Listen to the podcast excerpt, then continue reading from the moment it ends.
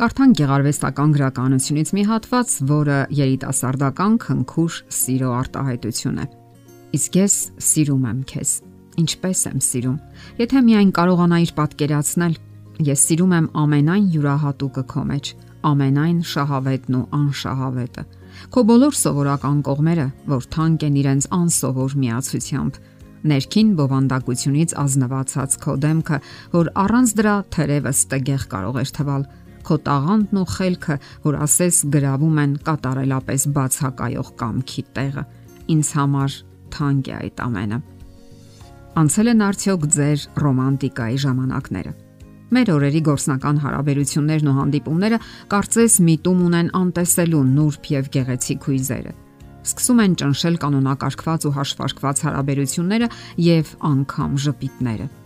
Երիտասարդներն ավելի ծրագրավորված ու նպատակային են դառնում մի կողմ են դրվում հույզերը եւ ավելի թեթև են նայում այնպիսի երևույթների, ինչպիսին են պատասխանատվությունն ու լիակատար նվիրվածությունը։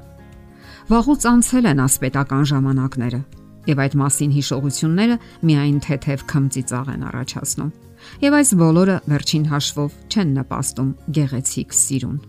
Շատ ուրիշ պատճառներ կան, թե ինչու երիտասարդների միջև հուսալի եւ գեղեցիկ հարաբերություններ չեն հաստատվում Պատճառներից մեկը հասուն հարաբերությունների բացակայությունն է։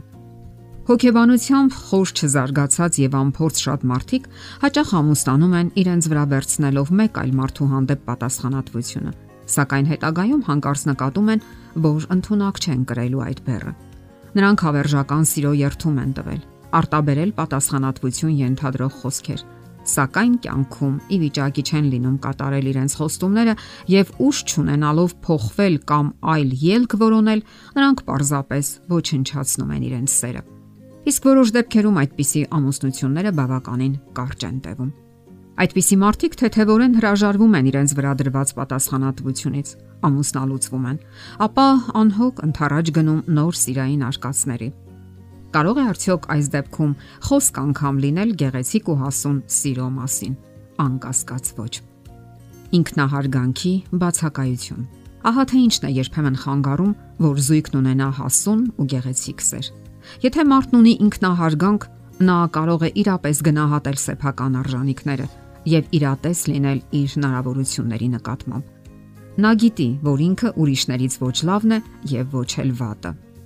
ինքնագնահատականը եւ մեր հանդեպ ունեցած վստահությունը որոշիչ են առողջ եւ ճիշտ փոխհարաբերությունների համար։ Այն ծնում է նաեւ հասուն սեր։ Մեր հանդեպ սերը եսասիրություն կամ ինքնագոհություն չէ։ Դա հանդարտ վստահությունն է սեփական լիարժեքության եւ նշանակալիության։ Փաստ է, որ եթե սիրում ենք մեզ, ապա ընդունակ կլինենք սիրել նաեւ դիմացինին։ Դիմացինին սիրելու համար հարկավոր է հարգել նրա անձը Պետք չէ փակել դիմացինի ողջ հորիզոնն ու տեսադաշտը։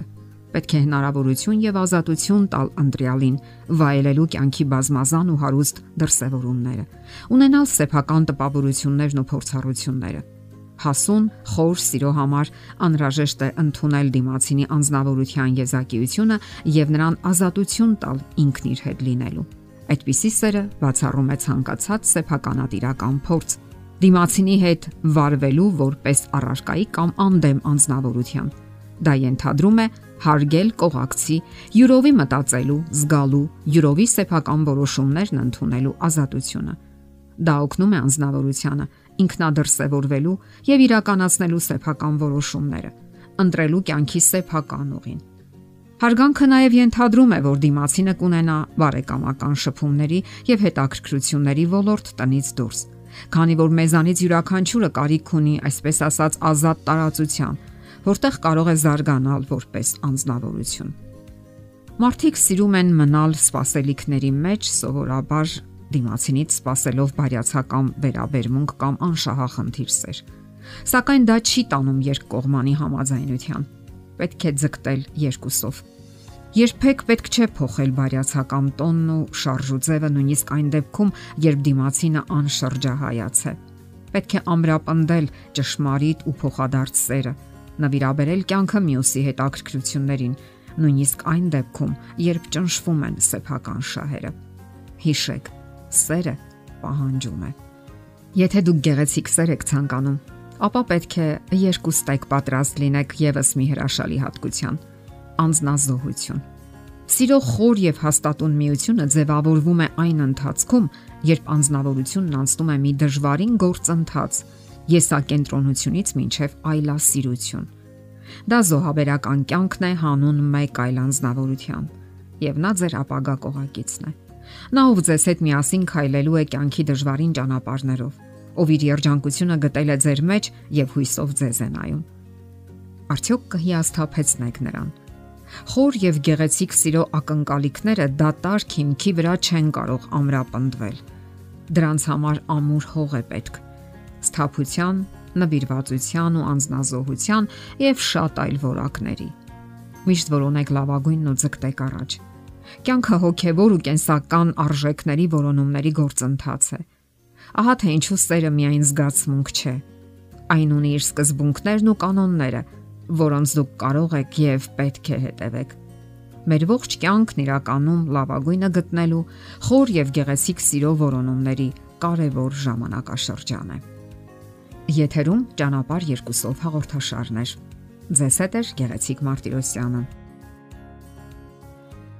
Հարցերի եւ առաջարկությունների համար զանգահարել 033 87 87 87 հեռախոսահամարով։